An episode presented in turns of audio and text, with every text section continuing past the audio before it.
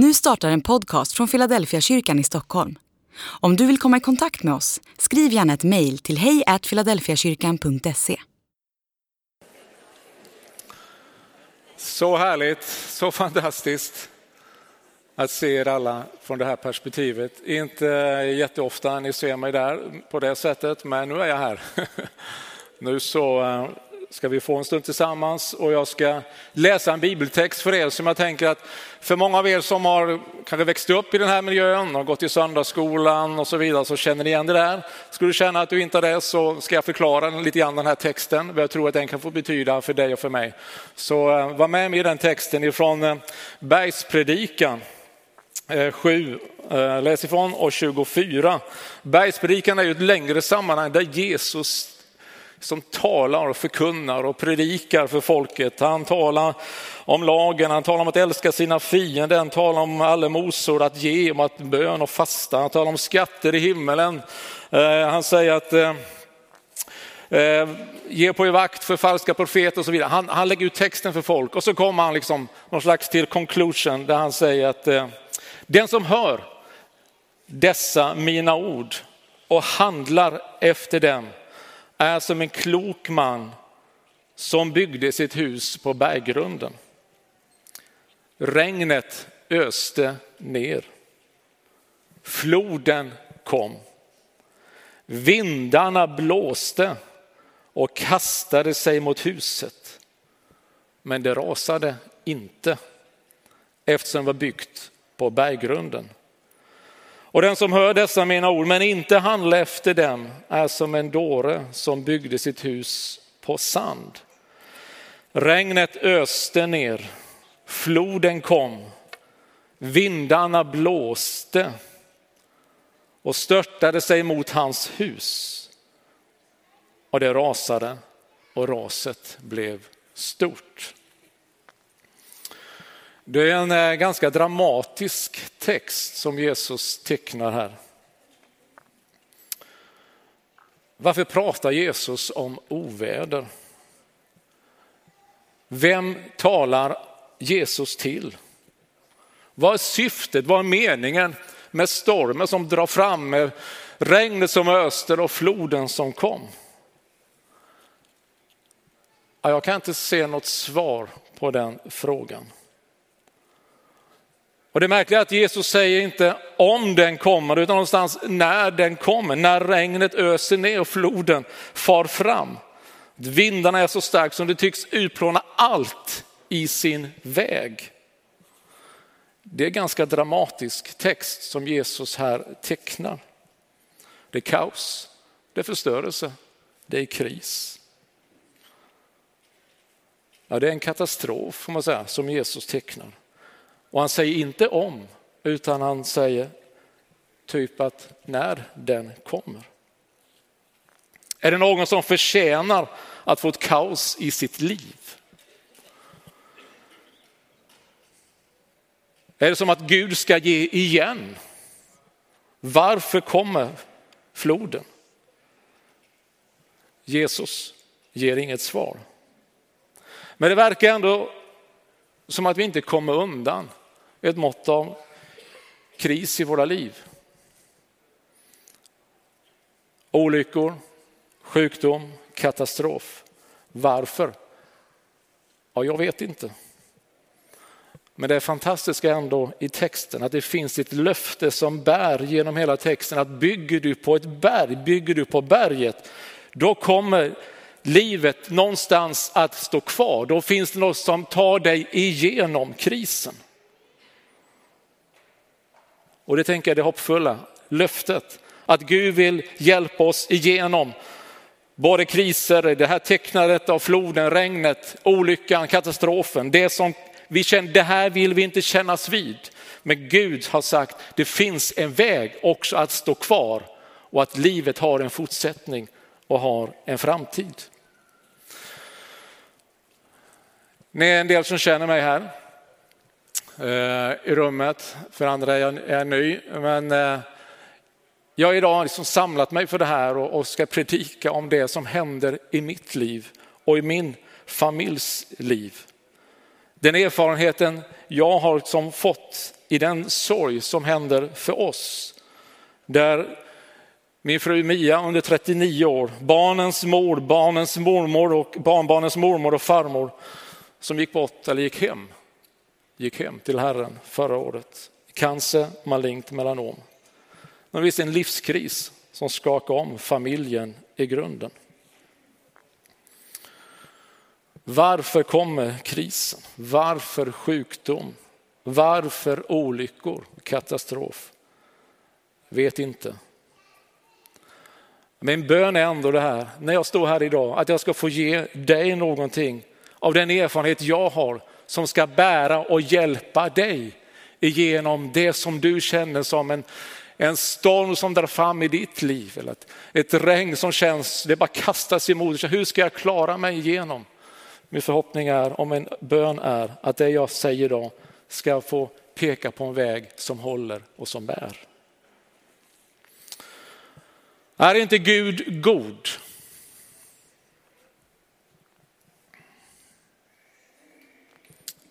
Är inte Gud kärleksfull? Gör inte Gud under? Och återigen, varför? Jag har inga svar på dessa frågor.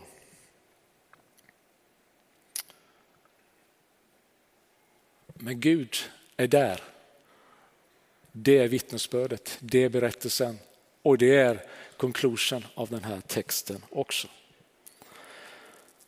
Idag ska jag predika om Gud som inte överger, en Gud som är nära, en Gud som är närvarande mitt i krisen, mitt i stormen, i dödens vitöga.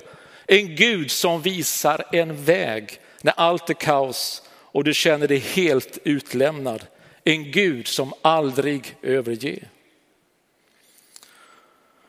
Låt oss bara komma tillbaka till texten igen där det står att regnet öste ner och floden kom. Inte om, utan det händer. Vindarna blåste, det kastade sig mot huset. Drabbade vissa hus? Nej, kan inte se det riktigt. Är det en synd gjord? Är det ett straff från Gud? Nej, det bara kommer. Men frågan är vilken grund våra liv vilar på.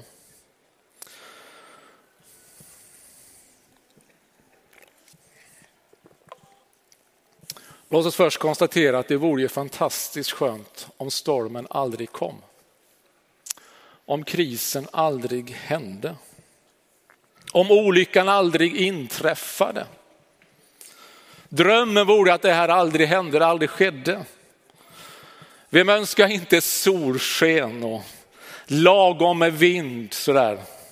Lycka och glädje. Vi kan se Bullerbyn lite grann. Det är fantastiskt mysigt och trevligt. Har ni som är lika gammal som mig, ni känner lilla huset på prärien. Man såg en serie en gång i tiden. Det, är liksom, det såg så härligt ut. Mysigt. Livet leker. Alla är vänner. Alla är lyckliga.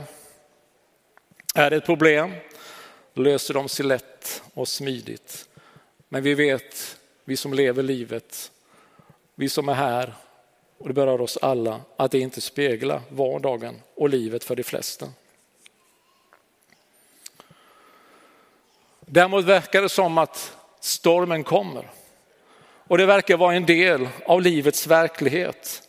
Det är nästan som det känns som det är en naturfenomen som Jesus beskriver. Stormen kommer, vinden kommer, regnet öste ner. Det verkar vara som naturfenomen. Det är att man konstaterar detta händer. Inte om, utan det händer. Men han säger också att huset kan stå kvar om det är byggt på berget. Vi tycks inte komma undan livets konsekvenser och livets utmaningar. Men han säger att huset kan stå kvar. Det är det hoppfulla. Det finns ett liv efter stormen. Det finns ett liv efter krisen. Väck inte detta oro då hos oss. Hur ska vi hantera oro? Ska vi oroa oss? Finns det orsak till oro? Jag tänker det finns en slags sund balanserad oro. Vi som är föräldrar, då börjar man genast liksom oroa sig, hur ska det gå för det här barnet? Hoppas liksom förskolan kommer gå bra när vi ska lämna där. Och, ja, du vet, om man oroar sig bara man inte slår sig där och snubblar där. Sen blir man, blir man mor och farföräldrar med en stor välsignelse och känner man, ja då får man nya bekymmer. Då ska man oroa sig igen. Liksom. Hur ska det gå för den förskolan? Ja, du vet. Det är någon slags, men jag tänker det är någon slags livets liv och en sund oro. Den får vi bära och leva med och glädjas åt. Jag tänker att det finns på många sätt kanske berättigad oro också.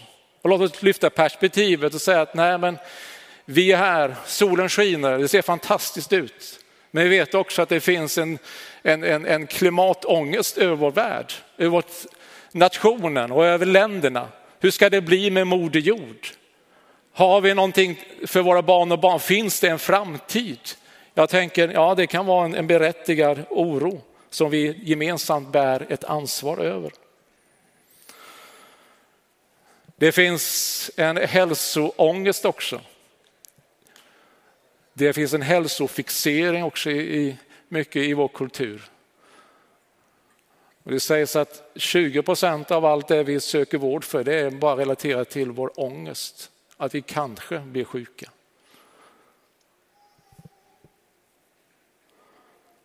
Men du är här som lever mitt i krisen. Ångesten kryper in på kroppen. Alla frågor, hur ska det gå? Hur ska det bli? Du är här som är helt överkörd av stormen. Floden i ditt liv har nästan tagit allt. Och du håller på att plocka ihop skärvorna av det som var ditt liv. Var finns Gud när stormen kommer? Varför kommer krisen? Jag vet inte. Och jag vill säga att ordet varför, den leder dig bara till en återvändsgränd. Vi får inte det svaret. Men vad menar Gud då? Jag säger, han menar ingenting. Är det inte mening med allt? Nej, det är mitt svar. Sjukdom, olyckor, katastrofer händer varje dag. Det är bara när det kommer nära som det gör så erbarmligt och så otroligt ont i ens själ och i ens liv. Det händer ständigt. Det är bara när det kommer nära som det gör så ont. Men vad finns då Gud när krisen kommer? Kan vi inte be om under? Absolut. Gjorde inte Jesus under? Jo, Gör inte Jesus under idag? Absolut. Jag tror på en Gud som gör under. Men det tycks ändå som att vi inte kommer förbi krisen, utmaningar och döden. En nära vän till Jesus och hans familj verkar vara Lazarus.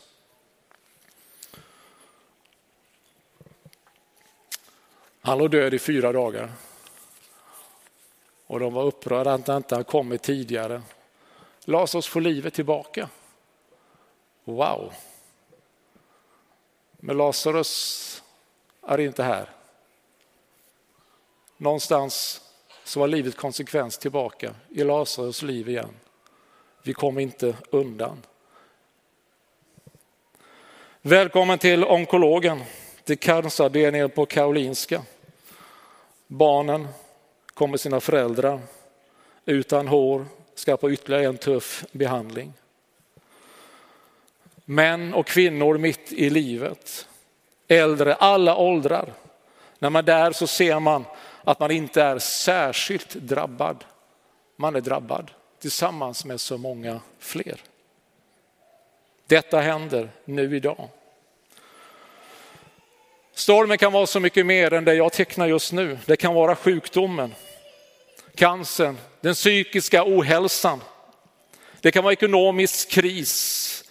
Du kan ha fått lämna hus och hem, bolaget gick i krasch. Kris i en relation, äktenskapet sprack, det har gått sönder. Förlorat jobb och karriär som togs ifrån dig.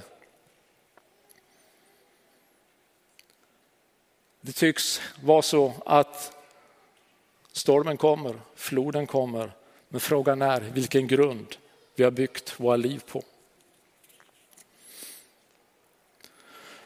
Jag tänker att det är säkert det som funderar, hur mår jag idag? Hur är det med Sören? Tack för alla omsorg, tack för alla förböner, tack för alla otroligt varma sms och hälsningar och blommor under föregående år och fram tills idag också. Så mycket kärlek. Jag vill säga, ja, med Guds hjälp och alla människors, det jag omger mig av, så mår jag bra. Med stor respekt för det som har hänt och det som jag bär på i mitt liv och kommer alltid få bära i mitt liv. Jag tror att för oss så var det grundläggande att vi, vi, vi hann att prata om allt. Vi tog professionell hjälp att prata tillsammans. Jag fortsatte i professionell hjälp. Jag pratade med Herren, men jag pratade också med, fick hjälp och stöd. Jag tror att det var en viktig del. Vi orkade sörja tillsammans. Vi hann prata om alla och vara över 40 år tillsammans. Toppar och dalar. Någonstans där fick jag kraft att se framåt. Och jag fick någonstans kraft att ändå bestämma för att inte bli bitter utan bejaka livet jag har fått och fortsätta leva. Det är mitt ansvar. Jag har fått det här livet. Det har jag velat bejaka och fortsätta att leva med och leva i. Jag kom en slags tacksamhetsfas över allt som livet gett mig, alla fina minnen, familj, barn, barnbarn och inte fastna i det som inte blev och inte fastna i varför. Finns inga svar. Men jag fylldes av en tacksamhet över allt jag har, allt jag fått. Familj, nära, kära, vänner, församling som betytt så otroligt mycket och betyder idag, kollegor. Jag fyller en slags tacksamhet i mitt liv. Jag är tacksam för det jobb jag har. Jag är så tacksam för att få privilegiera, få jobba i Philadelphia. Och säger till mina barn att det kommer att bli bra, fast på ett annat sätt. Vi får ingenting tillbaka. Vi kan enbart ta tillvara varje dag som en gåva från Gud och bygga framtiden med den insikten. Jag är så glad, jag är så tacksam för det liv jag har fått. Och jag har bestämt mig för att leva i den tacksamheten för det som varit och samtidigt bejaka livet och kärleken på nytt i mitt liv.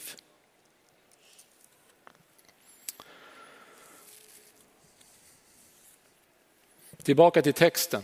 Grunden verkar vara avgörande. Jesus säger att man kan bygga på sand eller berg. Vad menar han med det? Ovädret kommer, huset som byggdes på berget verkar stå kvar trots katastrofala omständigheter. Medan huset på sanden rasar och raset blir stort står det. Och det jag tror Gud vill säga är att de bygger våra liv och ditt och mitt liv utifrån att omständigheterna är på topp. Ja, att det är det som definierar Guds existens och Guds närvaro i ditt och mitt liv då är det en bräcklig grund. Då är det en bräcklig grund. Det är som att bygga på sanden. Jag har hälsan, jag är frisk. Gud är god. Jag har lyckats i karriären. Gud älskar mig. Jag har lyckats göra bra aktieaffärer. Gud har välsignat mig. Jag, är en fantastisk, jag har en fantastisk familj. Gud är trofast. Är det endast omständigheterna som är tecknet på att Gud älskar, Gud är god, Gud välsignar, att Gud är trofast?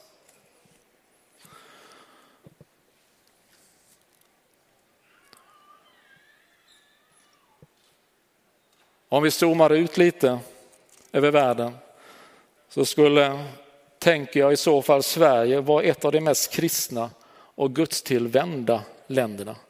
Vi lever längre än de flesta. Fantastiskt bra utbildningssystem, karriärsmöjligheter, mat och välstånd i överflöd. Fred i över 200 år. Men är det bara det som definierar Guds existens, Guds närvaro och Guds omsorg. Vissa delar av världen verkar leva i en konstant ondska och brist på allt, medan en mindre del av världen, typ vi, har överflöd på allt? Är det omständigheterna som definierar att Gud älskar dig? Att Gud är god? Att Gud välsignar? Jag har varit i Etiopien ett antal gånger, jag har varit i Sudan några månader efter freden som var för x antal år tillbaka, 12-13 år tillbaka i tiden. Den är bräcklig fortfarande. Jag mötte människor som i princip saknade allt. Jobb, mat för dagen, hus att sova i, skola att gå till. Men fyllda av sån tacksamhet och tro på Gud. Vad har de för grund? Deras omständigheter är katastrof. Men de lever i en så stark tro på Guds omsorg och Guds kärlek. Omständigheterna runt omkring oss är det som definierar att jag, allt är på topp. Eller finns det något annat som ditt liv bär som fundament. Omständigheterna kan snabbt ändras, men Gud står kvar. Katastrofen, olyckan kan vara där, men Gud är densamme.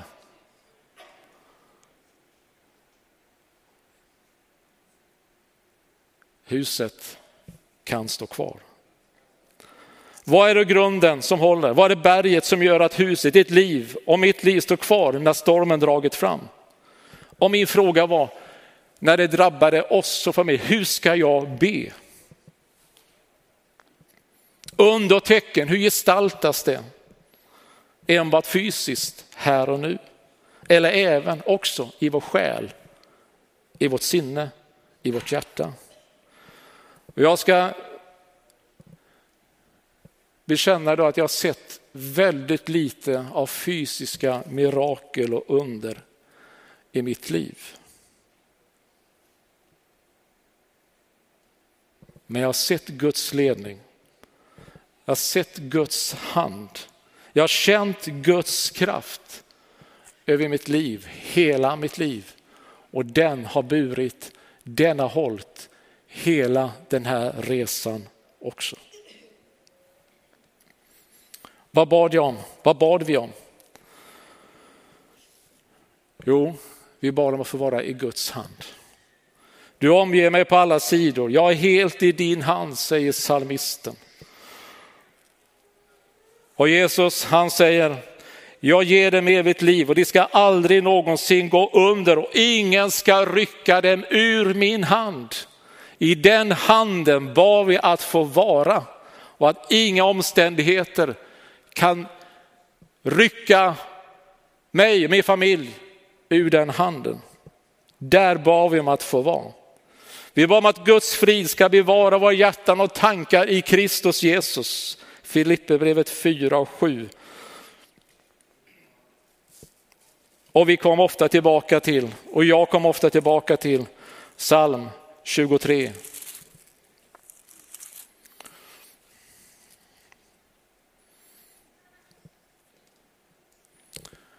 Det börjar på topp för psalmisten.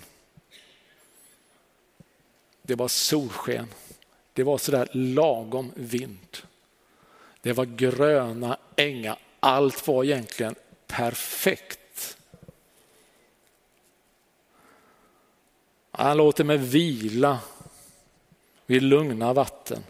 Han ger mig ständigt ny kraft. Han leder mig på rätta vägar. Men sen är det precis som psalmisten bara dyker rakt ner. Rakt ner. Inte ens i den mörkaste dal fruktar jag något ont. Ty du är med mig. Din käpp och din stav gör mig trygg. Mitt i det mörkaste mörker fick psalmisten också uppleva, där var Gud. Där fanns det något att greppa tag i, att hålla i. Där var Gud. Och det bad vi om att där vill vi också känna Guds, att Guds närvaro gestaltas i den mest mörka och utsatta situationen. Vi kommer inte undan, men Gud med sin närvaro, sin hand, sin frid, han är där.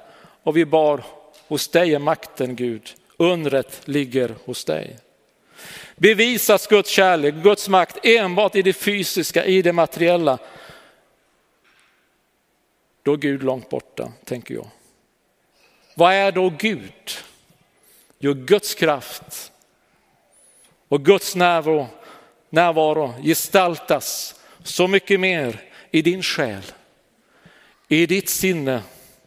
Där bor Gud, där är hans hand, där gestaltas Guds frid och Guds närvaro i ditt och mitt liv. Omständigheterna kan krackelera, omständigheter kan ryckas undan oss, men där är Gud i ditt liv.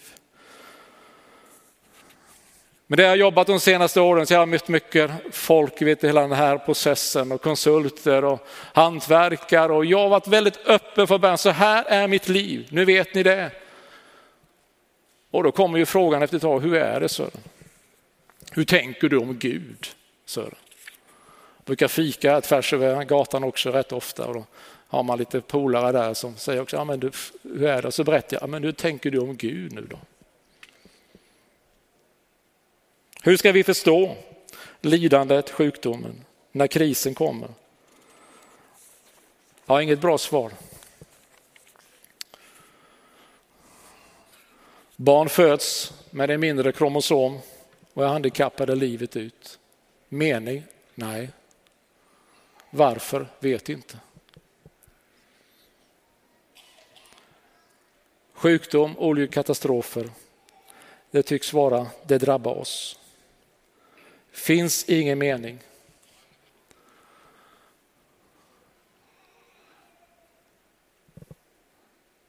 Men det finns en Guds hand som sträcker sig ut från himmelens Gud.